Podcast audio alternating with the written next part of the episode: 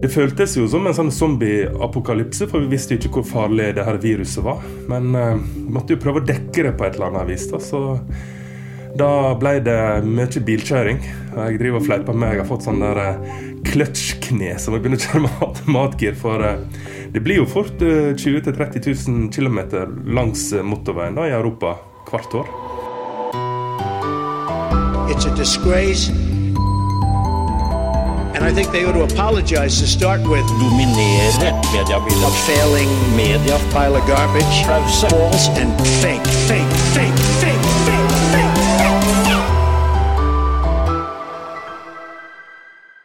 Hei og velkommen til en ny episode av Pressepodden. Mitt navn er Jan Magnus Weiber Ørdal, og nå har jeg fått besøk av NRKs korrespondent i Berlin, Roger Severin Bruland, som nå er inne i sitt siste år i utenrikstjenesten til NRK for denne gang. Velkommen til Pressepodden, Roger. Takk for det. Du har hatt en svært innholdsrik periode i Europa de siste fire åra, for å si det mildt. Det skal vi snakke mer om, men aller først en liten reklamepause. Ønsker du å annonsere i Pressepodden? Kontakt oss på annonse at medie24.no. Roger Severin Bruland. eh, Aller først kan det være greit å si vi er ikke i Berlin, da. Vi er i Oslo. For du eh, er på en liten visitt i moderlandet i eh, anledning det åpne folkemøtet som NRK hadde for korrespondentene sine nå i tidligere denne måneden her. Eh, Spørre om det først, da, siden det er noen dager siden. Hvordan var det? Det var helt topp, og vi har jo et sånt årlig korrespondentmøte eh, der eh, alle korrespondentene og alle i utenriks i NRK møtes. Og vi har seminar og vi har middag. Og denne gangen så ble det litt ekstra med altså, publikum i salen, der vi spilte inn eh, Urix. eh, Og det var kjempegøy. Absolutt. Jeg husker jo sjøl første gang jeg var på korrespondentmøte. Det er jo over Det er mange år siden nå. 2008-2009. og vi bruker sånn middag, og da ble jeg sittende midt mellom Hans-Wilhelm Steinfeld og Odd Karsten Tveit, mine to store helter. Og jeg har et sånt fantastisk bilde der vi tre sitter liksom på rekke og rad. og det, det er et eh, kjært eh, minne for en som er interessert i eh, utenriksjournalistikk. Jeg kan tenke meg praten gikk ganske greit og fort mellom de to. Det er veldig Å de to gøy, for de har masse historier. Og hva det var de fortalte? Ja, de var veldig opptatt av Einar Førde, for det at de var jo stadig vekk kalt inn på teppet hos Einar Førde. Jeg husker jeg sa det at eh, de, de, begge to var kalt inn til Einar Førde en gang. og de sto der, skulerett, og så står Einar Einar Førde satt bak eh, eh, skrivebordet sitt og sånn Ja, det er ramp, ja! og det er jo litt det som er kult med NRK, alle disse her karakterene, da. Som har liksom skapt disse her eh, mytene og legendene som eh, vi kan jo snakke om i 100 år til. Eh, og det er jo En utrolig- egen Pressboden-episode, tror jeg. ja, men tenk at vi kan, eh, at sånn så, Sånne som meg har fått lov å jobbe med disse folka der, da, som var sånne legender fordi at da det var bare én TV-kanal på 80-tallet, så, så var det jo de alle, alle hørte på fra Midtøsten og fra Russland. Men apropos det, Roger. Du er jo stemmen fra Berlin, da. eh, Og har vært det nå i fire år. Dette er det fjerde og siste året ditt som eh, Berlin- og europakorrespondent for denne gang. Eh, Slutter til nyttår mm. i, i år. Hvordan kjennes det? Det var litt rart å se at jobben min nå er lyst ut, og noen andre skal ha den. For du får jo et veldig sånn eierskap til den. og Det er en helt spesiell livsstil. Og det har jo vært en helt sånn ellevill eh, reise med utrolig masse dramatiske opplevelser. Så en tror jo at det her skal aldri ta slutt, men eh, det skal det jo. Og, og nå ble det jo veldig virkelig da, når den eh, annonsen kom på trykk. Ja, fordi vi nevnte innledningen, og du var inne på det her. Mildt sagt en svært hendelsesrik periode for deg siden du begynte da i 2019. Eh, Ja, det er jo bare å nevne koronapandemien, selvfølgelig. Ukraina-krigen, flyktningstrømmen, du var i Moria-leiren, brannen der. Eh, og ikke minst eh, for Berlin og Tyskland de store politiske omveltningene som har vært i Tyskland. Angela Merkel, Gotta osv. osv. Vi skal innom en del av det her. Men aller først koronapandemien, tenker jeg. Vi spoler tilbake til vinteren og våren 2020. Eh, mange husker det med gru. Eh, koronapandemien eksploderte, og du var jo i hjertet av hele greia. Eh, blant de første norske journalistene som rapporterte på en måte i kjernen av utbruddet osv. Hvordan nå, sett tilbake på det, liksom, hvordan, hvordan var det? Det var veldig sånn ukjent farvann, for vi hadde absolutt ingen informasjon. Og det var ingen plass du kunne ringe for å spørre hvordan det går det, liksom. Så og bare det å reise over en grense ble jo en sånn kjempeoperasjon. Eh, med logistikk og alle papir og med stempel og alt du må ta med deg. Og reglene endra seg fra time til time. Så det var jo det var kjemperart. Eh, vi så på grensa til Tyskland, så sto eh, tysk grensepoliti med maskinpistol og skulle, jeg vet ikke om de skulle skyte virus eller hva de skulle. Kjører inn i Østerrike, så får du bare beskjed om at uh, har ikke du full tank, så slipper du ikke inn her, for du har ikke lov å stoppe. Du skal kjøre rett igjennom. Og uh, masse sånne absurde, rare ting. Men uh, det føltes jo som en sånn zombie-apokalypse, for vi visste ikke hvor farlig det her viruset var. Men uh, vi måtte jo prøve å dekke det på et eller annet vis. da, så da ble det mye bilkjøring. Jeg driver og fleiper med jeg har fått sånn der kløtsjkne som jeg begynner å kjøre med automatgir. For det blir jo fort 20 000-30 000 km langs motorveien da, i Europa hvert år. Så det har vært mye bilkjøring. for å gå for fly. Jeg hørte at du, du har regna litt på hvor mange kilometer du har kjørt? har du ikke det? Ja, jeg har prøvd, men jeg vet ikke. Men jeg tror iallfall det første koronaåret så var det liksom eh, Cape Town, eh, Vladivostok-distanser. Altså det, var, det blir sånn Og Europa er ikke stort, men det har vært mange turer og mange sirkler. da, At du kjører egentlig i sirkel fordi at eh, under pandemien så har det vært enklere å bare kjøre videre istedenfor kjøre tilbake der du kommer fra. For å slippe karantene og sånn, ikke sant? Ja. Eh, Eller- Nei, karantene har vi alltid overholdt, da. Men eh, det har vært masse sånne regler, da. Å, ja, Når det, Mm. når det, så det, det har vært komplisert. eh, Så, men holder hold deg i bil, så er du trygg for virus. Og eh, du kan liksom eh, Du har alltid en sånn fluktmulighet. da, At eh, hvis en grense stenges der, eller et fly blir kansellert, så hadde du alltid en plan B. Og jeg hadde alltid en plan B, som at jeg kunne Om det var helt fullstendig krise, så kunne jeg komme meg tilbake inn i Schengen-området. Mm. Så det er viktig å ha. Jeg husker veldig godt eh, Blant annet en ting jeg husker. eh, liksom Et par ting jeg husker spesielt fra med deg og den våren eh, dekka for NRK. Jeg tror du også var utafor sykehuset da en, den første nordmannen som var bekrefta smitta, det var vel fra Alpene eller sånn, var. Uh, utafor et sykehus der. Men det kanskje de fleste husker, Roger, er det sykehuset i Monza utafor Milano. Ja. Når du var inne på avdelingen hvor de lå rett og slett for døden. ja Du er full eh, beskyttelse, hazmat-suit. Det så ut som en sånn Hollywood-film, Outbreak, eller en eller annen sånn eh, helt uvirkelig katastrofefilm. Jeg husker jeg bare Jeg snakka med flere om å veldig dramatiske bilder, sterke inntrykk. eh, Og jeg husker jeg tenkte jeg håper bare han overlever. Tenk om eh, altså han ofrer seg for eh, journalistikken for å dekke det. Fordi eh, Hvordan er det å tenke tilbake på i dag? Det var, det, ja. Det var jo eh, sånn som i eh, Lombardia-regionen, så var det ingen som lenger tok telefonen, for eh, kapasiteten i byråkratiet var sprengt. Fikk ikke tak i noen. og det må du gjøre for å få løyve til å komme inn. Du må ha presseavdeling, og presserådgiveren må være med deg. Så jeg kjente litt Mats Gilbert fra før av. Han er en sånn kjent lege fra Han jobber vel i Tromsø, som har vært mye i Gaza. Og han dreiv og maila meg, jeg husker ikke helt om hva, men det var jo disse forrige turene jeg hadde hatt rundt omkring der. Og så ringte jeg han bare og så sa jeg, kjenner du noen italienske leger. Og så sa han ja, jeg kjenner en psykiater i Milano som vi jobber med i Gaza, med, med sånn traumatiserte barn. Og um, han ringte til han og introduserte meg. Og han dreiv jo med behandling av traumatiserte sykepleiere som jobba på sykehusene i Monza, i Bergamo og rundt Milano. For eh, det var veldig mange sykepleiere som bare rett og slett bare brøt sammen. De takla ikke det presset. Og vi kan jo tenke oss sjøl når eh, legevakta må stenge og, og folk dør eh, liksom, rett utenfor døra der. For det, kapasiteten var sprengt. Du hadde sykepleiere som hadde 30-40 døende pasienter de måtte passe på, på en intensivavdeling. Og det var sykepleiere som aldri hadde fått opplæring i eh, sånne veldig dramatiske eh, situasjoner, sånn som det der. da. Altså, De drev med kanskje mindre, mindre dramatiske ting, eller de jobba på gamlehjem, og sånn, og plutselig var de liksom kalt inn. Så han eh, kjente veldig godt eh, ledelsen på det San Gerardo-sykehuset, som er et eh, veldig, veldig renommert eh, universitetssykehus i Monza, som sikkert er mest kjent for Formel 1, hvis du, hvis du er interessert i det. Så eh, da fikk vi lov å komme på besøk. Og så var det veldig mange åpne spørsmål.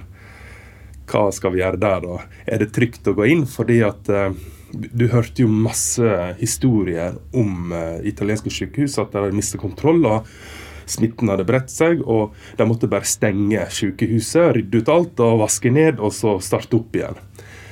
Eh, Sånn var det heldigvis ikke der. Altså Der hadde de relativt god kontroll. Problemet var jo at det, det lå eh, 100 døende pasienter inne på en intensivavdeling som har liksom bare ja, det bare vokst og vokst og vokst. og vokst, og Det var da pasienter som lå i respirator. Og Vi vet jo det at eh, når det har gått så langt at du må i respirator, så er det veldig små sjanser for å overleve. fordi at det, Lungene stivner, blir som hard plast, så det blir liksom som å pumpe luft i en sånn hard ballong. Du får Du skader kanskje mer enn Altså, det er liksom ingen gode alternativ når det har kommet så langt. Og der ligger de ikke sant? De ligger på rygg, de ligger på mage, og de prøver å gjøre alt da for å liksom få dem til å overleve. Og da var det jo litt sånn at eh, Jeg jobba med en italiensk fotograf som jeg aldri hadde møtt før. Og vi kjørte hver vår bil inn på parkeringsplassen der. Og da hadde jeg liksom kjørt gjennom tom motorvei fra München ned til Milan. Altså, det var helt sånn zombie-apokalypse. Sånn utrolig sånn uhyggelig stemning. Så kom jeg ned. Så hadde jeg vært på jernvarebutikk i Berlin og bare kjøpt Følte meg litt som en sånn Breaking Bad. Jeg skulle bare kjøpe forskjellige ting da, som, som uh, kunne brukes som smittevernutstyr. Fordi at um, Mats sa til meg at prøv å, prøv å finne ditt eget, så du ikke bruker italienerne sitt, for de har mangel på smittevernutstyr. Så vi fikk jo tak i forskjellige gode masker, da, som, som spraylakkeringsmasker. er jo helt fine. Altså, Det er jo ikke vanlig å bruke det til medisinsk bruk, men det fungerer helt fint. Og det er plast så, og gummi så tetter veldig bra. Og jeg tror det også var eneste gang jeg barberte meg. For det, det skal du egentlig gjøre for å få det helt tett. Og så hadde vi eh, gummistøvler, vi hadde en sånn uh, vernedrakt. Um, og uh, vi, hadde, vi hadde ikke et visir, da, men vi hadde sånne sånn slambriller, eller hva det var vi brukte, da, med, og hansker. Så vi liksom teipa igjen, og så tenkte vi ok, nå har vi gjort det vi kan for å beskytte oss. da. Så kom vi inn på sykehuset der, og der var det jo morgenmøte med alle direktørene. og Sykehusdirektøren satt ved enden av bordet med sånn digert renessansemaleri bak seg. Han så ut som en sånn uh, italiensk prins der han satt. da. Så kom vi inn som sånn uh, Vi var klart til å gå på månen, ikke sant? Og folk snudde seg og begynte å le, da. Fordi at eh, da hadde vi kanskje vært litt over eh, forsiktige. Men eh, det vi visste ikke. ikke sant? Og sånn er det alltid. altså Det var jo ingen som visste noen ting, egentlig. Nei, vi, visste, vi hadde ingen informasjon om situasjonen der. Så eh, kun, det kunne jo vært sånn at korridorene var fulle av pasienter. Det har jeg opplevd i, både i Praha og i Bucuresti. Og der eh, doktorene bare har gitt opp å gå rundt i slåbrok og, og, og har droppa maske og hansker. De bare gitt opp. ikke sant? Og klart Kommer det i en sånn situasjon, så da er det jo for seint å begynne å dra på seg det når du allerede er dratt inn i den situasjonen. da. Så men italienerne hadde ting under kontroll så godt de kunne, iallfall der. Så kan du si det var en alvorlig situasjon i Bergamo. Det var På alle gamlehjem i Italia så var det fullstendig ragnarok.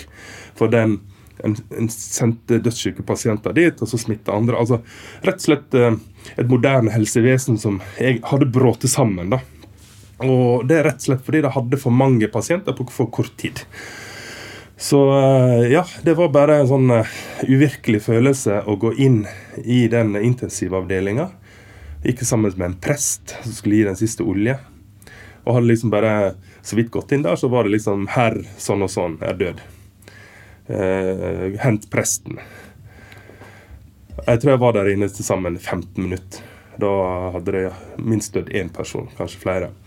Og sånn det er helt utrolig å tenke seg liksom, den situasjonen. For det er liksom dag inn og dag ut for italienerne. Det der at det var sånn masse død på sykehusene.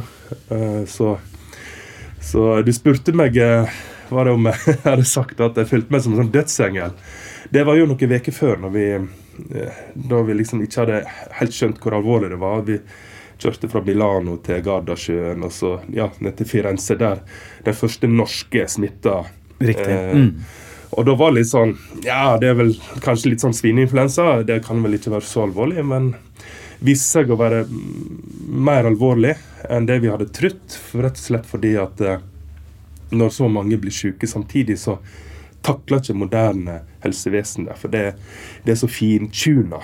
Så får du en sånn eh, topp, så, så blir det kaos, eh, rett og slett. Eh, og når jeg snakka med en kollega i Firenze ja, litt seinere, husker han sa det at Roger Da kom det sånn 80-90 sånn militærlastebiler med, fulle med kister kjørte gjennom sentrum av Firenze. Det er litt sånn Det går liksom kaldt nedover ryggen på deg, det blir dårlig stemning. Og det er liksom det der Det hoper seg opp med døde folk, da. Eh, så, så er det uvirkelig. Og sånn som i Norge, så Jeg trenger ikke snakke om Norge engang, jeg kan snakke om München. Der var ingen restriksjoner. det var liksom, eh, Jeg husker jeg var på en McDonald's i sentrum av München. Jeg sto og nøys deg opp i ansiktet når de leverte burger. sånn. Altså, så da var det liksom tok tid da, før før liksom alvoret sank inn. Uh, selvfølgelig når det først begynner å synke inn alvoret, og, og uh, alarmbjella går, og, og politikerne begynner å få panikk, så var det sånn tsk, Da stengte de ned. ikke sant? Men uh, det tok litt tid før en innså det. Og jeg tror i Norge så var vi heldige og hadde dyktige folk, sånn som Nakstad, som, som bare, det bare skar igjennom, liksom. Så kan folk si «Øh, ja, men var ikke det litt sånn overdrivelse? Men tenk hvis at en har fått sånn Italia-situasjoner. For vi er like sårbare her til lands. Vi har ikke så mye overkapasitet på sykehusene. Og selv i Tyskland, der en har en enorm overkapasitet på sykehusene, spesielt Berlin og sånn, så fyltes det opp der òg, altså. Eh, og de, begynte jo å sende pasienter tilbake til Italia. Eh, så, så vi er veldig sårbare på akkurat det der. eh, på, eh, på sånne sykdommer. Så kan vi være glad for at eh, den dødeligheten var så lav som den var. For tenk hvis det hadde vært sånn 20-30% dødelighet på det her. Da, da hadde jo militæret vært kalt inn, og en hadde satt folk altså, i sånn tvangskarantene. Da hadde det vært skikkelig uhyggelig, tror jeg. Så vi får bare banke bordet og si det, det gikk greit. Vi kom oss gjennom det. Og vi får bare være bedre forberedt neste gang. To uh, seige år allikevel, eh, selvfølgelig. Men, eh, eh, men ja, jeg tror mange skriver under på det, Roger. Litt tilbake til sykehuset i Milano. Jeg bare Du var litt inne på det sjøl der, Roger, men følte du når du skulle gå inn der det, Dere står der, teiper opp slalåmbriller. Jeg husker det var litt altså den, Du så ut som du skulle på månen, eller Ja, en sånn ja. eh, radioaktiv eh, sone eller noe. Følte du på frykt og utrygghet sjøl? Var du redd? Absolutt, men du må bare skyve alle disse følelsene til side, og så må du bare fokusere på at nå skal vi, nå skal vi lage den historien, og det her er viktig. Og da eh, går du inn og så gjør den jobben så godt du kan. Det er jo historiske bilder også, fordi noe av det man har diskutert mye her i bransjen, eller mediebransjen og generelt i Norge, er jo det var jo Det, det fins jo nesten ingen bilder fra norske sykehus i første startfasen, for det var jo restriksjoner på det. Og mange har vært kritiske til det fordi får vi ikke dokumentert det osv. De bildene dere fikk der, er jo historiske og vil stå der. Sånn var det i Italia i starten òg, men når, eh, når du har en sånn stor krise, så blir det naturlig å invitere media inn. For det at eh, det blir en sånn folkehelseoppgave å advare egen befolkning, men også resten av Europa. At uh, det her er farlig, det her må vi gjøre noe med. Og det eneste måten å advare folk er å bare eh, vise det fram. Det er ikke hjelp i å stå og snakke om det. Så uh, jeg tror nok hvis situasjonen hadde kommet mer under, ut av kontroll i Norge òg, så hadde jeg fått mer tilgang der også. Men jeg fikk vel kanskje mer tilgang òg etter hvert. Etter hvert, etter hvert, ja. Men det var liksom den våren her, Vi snakker jo våren 2020 her, så det var liksom rett etterpå. Eh, jeg har skjønt også at du, du fikk en del eh, Jeg nevnte jo jeg var liksom bekymra på dine vegne når jeg så deg. Men du har fått, det var veldig mange andre også som var, har jeg skjønt. Du har, fikk en del meldinger fra seere og sånn, har jeg lest. Ja, veldig hyggelig det. da, At en er bekymra for at eh, det går bra. Og veldig mye helsepersonell som eh, var liksom Ja, veldig bra at eh, vi får fokus på det her, for det her er vi bekymra for. Og veldig mye helsepersonell som ga veldig gode tips. Folk som kan smittevern, som sa jeg så du gjorde det der og feil, og det vil jeg bare si tusen takk. Eh, at en engasjerer seg. Og, så da, blir det en sånn laginnsats. Så vi er alle liksom sammen om å, om å liksom le, formidle og løse denne eh, ja, krisa. Ønsker du å annonsere i Pressepodden? Kontakt oss på annonse at medie24.no. Vi var inne på det eh, som eh, i innledningen også, Roger. Du er jo da inne i siste måned. Eh, tida går fort fram til nyttår, selvfølgelig. I denne korrespondentperioden i Berlin eh, dekker jo også store deler av Europa, jeg vil bare si det, da. Eh, men så skal du hjem til ehm, Og det er kanskje ikke så mange som vet, men du eh, skal rett og slett hjem og bli bringebærbonde, du, i Stryn? ja, vi får se hvor mye bringebær det blir, men eh, jeg har jo tenkt på lenge Men du er odelsgutt på en gård i ja, Stryn? Hjemme ja. i Stryn? En uh, liten gård, men uh, med lange tradisjoner, så det er jo flott å kunne videreføre den arven, da. Så det var egentlig planen egentlig 2019, hadde jeg tenkt å gjøre det. Men så søkte jeg jo på den jobben i Berlin og fikk den, og da utsatte det litt. Men eh, det har vært eh, en plan lenge å ta over der og skifte litt eh, gir, da. Mm. Men jeg skal fortsette som journalist. da. Men ja, Så du bytter ikke ut mikrofonen med bær på hele tiden? Nei, men jeg har veldig stort hjerte for lokaljournalistikk. Og jeg syns det er veldig kjekt å holde på med. Så, for jeg liker egentlig å blande litt sjangrene. Altså når folk sier ja, folk hjemmefra da, eh, hører mine reportasjer, så sier de det. Det er litt sånn, det er liksom lokaljournalistikk i utlandet. Eh, så jeg har liksom laga min egen sjanger.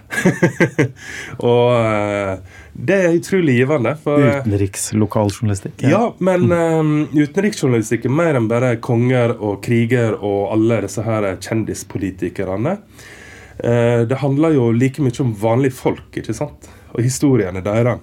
Og det at vi kan finne paralleller. Folk som har, vi har noe til felles med. ikke sant? Så Når jeg er fra Vestlandet, så er det jo veldig stort for meg å reise til Bayern, oppe i fjellene der. Så holder de på med veldig mye ting som jeg kan eh, relatere meg til. da. Jeg tror mange på Vestlandet kan relatere seg til måten å drive seterdrift på i Bayern. og liksom, ja Det holdt vi på med for 30 år siden også, men nå har vi slutta med det. Men jeg husker at uh, mor mi hun var på setra og melka kyr, og det holder de fortsatt på med i Bayern. Altså, så vi kan finne disse parallellene. da, Vi kan finne sånn, litt sånne felles uh, ting. Uh, og det det jobber jeg alltid med. og uh, Jeg tror av og til kanskje at desken syns jeg er litt sprø, da, men uh, finne på ting. Altså Bare å lage saker som tema som egentlig aldri har vært laga før. Istedenfor å lage opp igjen opp igjen den samme historien. ikke sant, så Prøv å finne noe nytt. Det er ikke lett, da, og det er ikke alltid like vellykka, men uh, når du lykkes, så blir det jo kjempebra. det, det, er, det, er artig du sier, for det, det er noe av det personlig har også faktisk tenkt må være noe av det morsomste og utfordrende også som korrespondent. Det å finne de personlige historiene. Og det er de historiene jeg husker best fra sånn hvis jeg Eh, rundt omkring. De der du møter den eh, skruen som bor her, eller den ja, ja. Eh, fordi en ting, som du sier, du står og, og rapporterer om hendelser, politiske omskiftninger osv., men de der møter folk på vanlige folk, eller litt uvanlige historier. Jeg vet ikke om du husker den grottedramaet i Thailand? Absolutt. Og da ble jo jeg med en gang veldig lei det pressesenteret. Så fant jeg en sånn landsby på baksida av den grotta. Så ble jeg kjent med de folka der. Jeg gikk jo på besøk og spiste middag egentlig overalt. da. Og når eh, Helt på tampen der så fikk jeg være med de folka inn i området der de drev og så prøvde å lede vannet vekk fra grotta. Og det var en sånn utrolig sånn interessant fyr. Jeg tror han var 70 år gammel. En sånn eh, lokal legende fra den eh, bygda. Og han eh, kjente liksom alle alle sånne geologiske forhold. Han kjente alle hullene i en sånn liten bekk. Så hver dag så gikk han opp den bekken. Så kom det to sånne militærfolk fra Thailand bak med GPS. Og så markerte han av. Her må du tette igjen, her må du tette igjen, her må du tette igjen. Det er sånn uh, ukjent helt. ikke sant? Og så kom de bak med sånne digre sånne tamponger som, som de stappa ned i hullet, og så tetta de igjen Slik at det ikke rant vann inn i, i grotta. For der var det jo snakk om en centimeter kunne liksom, vannstand kunne liksom være forskjell mellom liv og død. da. Og da var det sånn, jeg husker når alt hadde gått bra, så eh, satt eh, vi der og prata med deg, og så tenkte jeg vi må jo feire det her, men det er jo ingen som har fått seg øl, liksom. Nei, det har ikke jeg råd til. og det var mange som hadde kommet langveisfra bare hadde råd til bussbillett. Og sa ja, jeg spanderer øl på alle. og det er sånne gode møter, da. Eh, og det er en sånn god, godt minne jeg har. For som regel da, når vi jobber utenriks, så er det jo tragedie og død. Og redigeringsrom nummer én i Dagsrevyen. Det kaller vi jo nesten bare for likhuset. ikke sant? For det, det er bare eh, dødsfall, naturkatastrofe, krig, alt sånn. Så plutselig får du være med å dekke en sak der alle trodde alle hadde omkommet. Og så var de i live. Og så fikk en berga dem ut, og så fikk vi en lykkelig ending. Altså eh, Alle kom seg ut i livet. Ok, En eh, soldat, en dykker, eh, døde, men han ble jo folkehelt. Og det var liksom bare en sånn eh, følelse av at dette her dro vi i land i lag. Og, og for Thailand så var det en sånn så stor stolthet at dette her fiksa vi, liksom. Så det, det vil jeg for alltid huske, og spesielt disse landsbyfolka som holdt på med her vannteamet. Mm. Eh, så det var litt artig. Det var artig å se den filmen. da. Jeg så han... Eh... Det var jo, det, det, måtte jo komme. Det var jo en Hollywood-historie med en gang. ja, ja. ja. jeg er enig det. Eh, men, eh, men, det mm, Jeg regner jo med du har noen sånne minner og historier også fra fra Berlin-tiden også, selvfølgelig, når du, når du har sluttet. Fordi, som vi har snakka mye om i dag, du har dekka mye kriser, politiske omskiftninger. Du har jo møtt en del eh, interessante skjebner i Europa også. Det som ikke er absurd Jeg husker når vaksinen kom, så var det jo tyske vaksiner. ikke sant? Tyskland de produserer alt. Men det var, tok lang tid før uh, vaksinen ble tilgjengelig i Tyskland. Og der den ble først tilgjengelig, det var i Serbia. Så da var jeg jo nede i Beograd og laga sak, og de åpna opp kjøleskapet til kjøleskapet til kjøleskapet til kjøleskap. Og det var liksom eh, AstraZeneca, det var Pfizer, det var Moderna, det var det her kinesiske Sino, Sinovac eller Sinopharm og, og, og Sputnik, liksom. Hvilken vaksine vil du ha, da? og det er en sånn historie. da, for... Han som er president i Serbia, Aleksandr Vucic, han er fryktelig kontroversiell eh, politiker. Eh, tidligere taleskriver til Slobran Milosevic. Og en sånn person som ja, Jeg kaller han litt sånn two-face, for han, eh, han er liksom sier ja, sier noe til alle, ikke sant? og så kan du ikke helt stole på han da. Men uh, det var jo sånn han hadde klart å få tak i vaksiner. Han bare ringt rundt alle. Han ringte rundt til Boris Johnson, han ringte Kina, han ringte USA. ikke sant? Så hadde jeg gitt han uh, vaksinen. da. Og så uh, var det snakk om at jeg skulle intervjue han da. Og så tenkte jeg at jeg skulle få han litt sånn off balance. For da hadde jeg vært så heldig jeg fikk vaksinen da jeg var der nede. Og så sa jeg liksom eh, Mr. President, thank you for the vaccine. og eh, det er litt interessant, fordi at eh, vi skal jo være litt sånn revolverjournalister, spesielt på litt sånn kontroversielle politikere. da. Men jeg har jobba nå i 20 år nede på Balkan, og hvis du, hvis du klarer liksom å få dem litt sånn ut av balanse. da. For så liksom at den, den så ikke han helt komme. da. Så, så, kan det bli et godt intervju. For da blir det litt sånn OK, nå, prat, nå har vi fått en uh, kontakt. Nå kan vi begynne å prate om politikk. Hva er det som foregår oppi det hodet til uh, Vucic, liksom. Men du Merka du at du kom litt uh, tettere? Ja, ja, ja, ja, men uh, det er litt sånn det er litt sånn teknikk, da. Den hadde ikke funka i Norge eller i Vest-Europa, kanskje? Det kommer litt an på hvem, tror jeg. Eh, men eh, på Balkan så har du kanskje litt mer spillerom. Eh, og i Tyskland så er det liksom han, Jeg blir jo beskyldt for å være litt sånn robotaktig, da, Olaf Scholz. Så han, han, skal ha spørsmåla på 14 dager før, og så har han liksom svaret klart. Og så når du prøver å følge opp, så har han liksom gått sin vei. Altså, så ja, alle er forskjellige, men, men jeg kjenner Balkan såpass at hvis du klarer liksom å pirke litt borti det, så, så, kan du få et godt intervju med, med en president. Da, selv, selv, om han er veldig skeptisk til pressen fordi at eh, han får mye kritikk. Eh, Roger, jeg merker at vi her, vi kunne snakka mye, mye mer og lenger. Vi må Du skal rekke et fly, så vi må, Ja. vi må gå inn for landing i denne episoden for denne gang. Ja. Bare for ordens skyld. Eh, for det, eh, du sa det vel egentlig indirekte, men du fortsetter jo i NRK. Men det betyr du melder For du har jobba før du ble eh, europakorrespondent, så var du på nyhetsdesken på Marienlyst i Oslo i 15 år, vel? Utenriksavdelinga. Ja, utenriksavdelinga. Eh, men Oslo-basert. Men nå flytter du hjem, så du går inn i stallen til NRK Vestland, eller? Jeg håper det. Jeg skal iallfall gjøre et eh, forsøk. Men betyr det at du legger utenriksjournalistikken eh, på is bak deg, eller eh, kan korrespondentlivet lokke deg igjen? Hva tenker du? Absolutt. Eh, Jeg tenker det- Det er jo en tid for alt. Eh, Nå er det litt fokus på, på å flytte hjem og sånn, men eh, jeg er sikker på at lista kommer tilbake igjen. For det, det er utrolig gøy jobb. Jeg kan anbefale alle som hører på å ja, Det er vel intern utlysning, da, men altså NRK søker på den jobben. For midt i Europa det er en dagstur til Middelhavet en dagstur til Ukraina. Og eh, du kan liksom Nå har liksom Berlin blitt sånn, sånn som det var under kalde krigen igjen. Sånn brennpunkt. Skjer veldig mye spennende i Berlin nå. Så eh, ja. Eh, jeg så jeg Roger Waters hadde konsert i Berlin i går. Og det, det har det blitt kjempedebatt om. altså. Man har stilt opp i sånn naziuniform på scenen. Ja. Det skjer ting i Berlin nå. For Berlin ligger så strategisk plassert i Europa.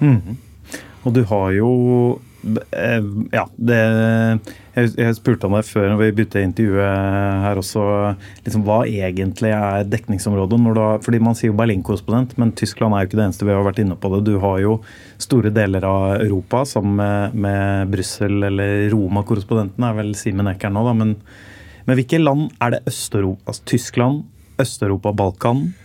Ja, men jeg merker at de grensene blir litt viska ut, for vi er jo tre i Europa. ikke sant? Vi er Berlin, eh, Brussel, London. Og eh, når det skjer så mye i Europa, så må vi liksom hjelpe hverandre. Og du blir- har jo også vært i Ukraina, ikke minst. da. Det, ja, Ja, ja. ja. Mm. Og, og eh, så i stillingsutlysninga nå at en må påregne også dekke Ukraina fra Berlin. Og det, det er ganske naturlig, for det, at det, det er ikke langt ifra Berlin til Lviv, altså. Det er, det er rett strekke med motorvei, så åtte timer seinere så er du, er du i Lviv. Kjører du fire timer til, så er du i Kiev. Kjører du fire timer til, så er du i Kharkiv. Så to-tre timer til, så er du i Donbas. ikke sant? Altså, Det er nærmere enn mange nordmenn egentlig veit, ja. Jeg Ja. merker det sjøl, at du begynner å se på kartet, så bare Det er ikke mange timene unna. Nei, og du kan jo tenke deg sjøl de som bor i Polen, for den uh, frykt de kjenner på nå. Og den hybridkrigen som foregår på grensa til uh, Hviterussland. De som bor på grensa der. Altså Vi hører om barnefamilier som nå selger alt de og flytter vestover fordi at eh, de har ikke nerver til å bo på grensa. Og polakkene kjøper nå våpen. Og til og med hun eh, fikseren min fra Polen, som jeg jobber masse med, hun og faren eh, gikk sammen og spleisa på våpenskap. Så eh, tyskere, polakker har andre verdenskrig friskt i minne. Og det er ingen som vil ta noen sjanser nå. Alle, alle vil være forberedt på det aller verste. Og så håper en jo selvfølgelig at det, det her vil få en fredelig løsning. Det blir eh, spennende å følge mm, dekninga di nå de neste månedene. Det blir mer enn nok å ta tak i, det er jeg helt sikker på, Roger. Lykke til videre med oppløpet av denne korrespondentperioden. Kanskje vi har en ny intervju med deg om noen år når du skal ha et nytt kontor. Du får rekke flyet ditt nå, så ikke vi sørger for eh, så ikke vi får sint mail fra Folkemar Mikkelsen i etterkant her, hvor du ikke rekker jobben din. Det var det vi rakk. Eh, Neste uke er det ny gjest i Pressebånden. Dere får ha en fin dag imens.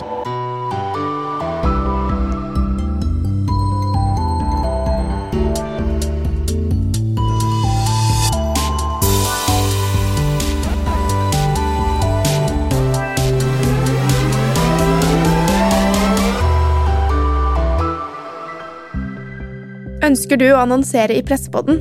Kontakt oss på annonse at medie24.no.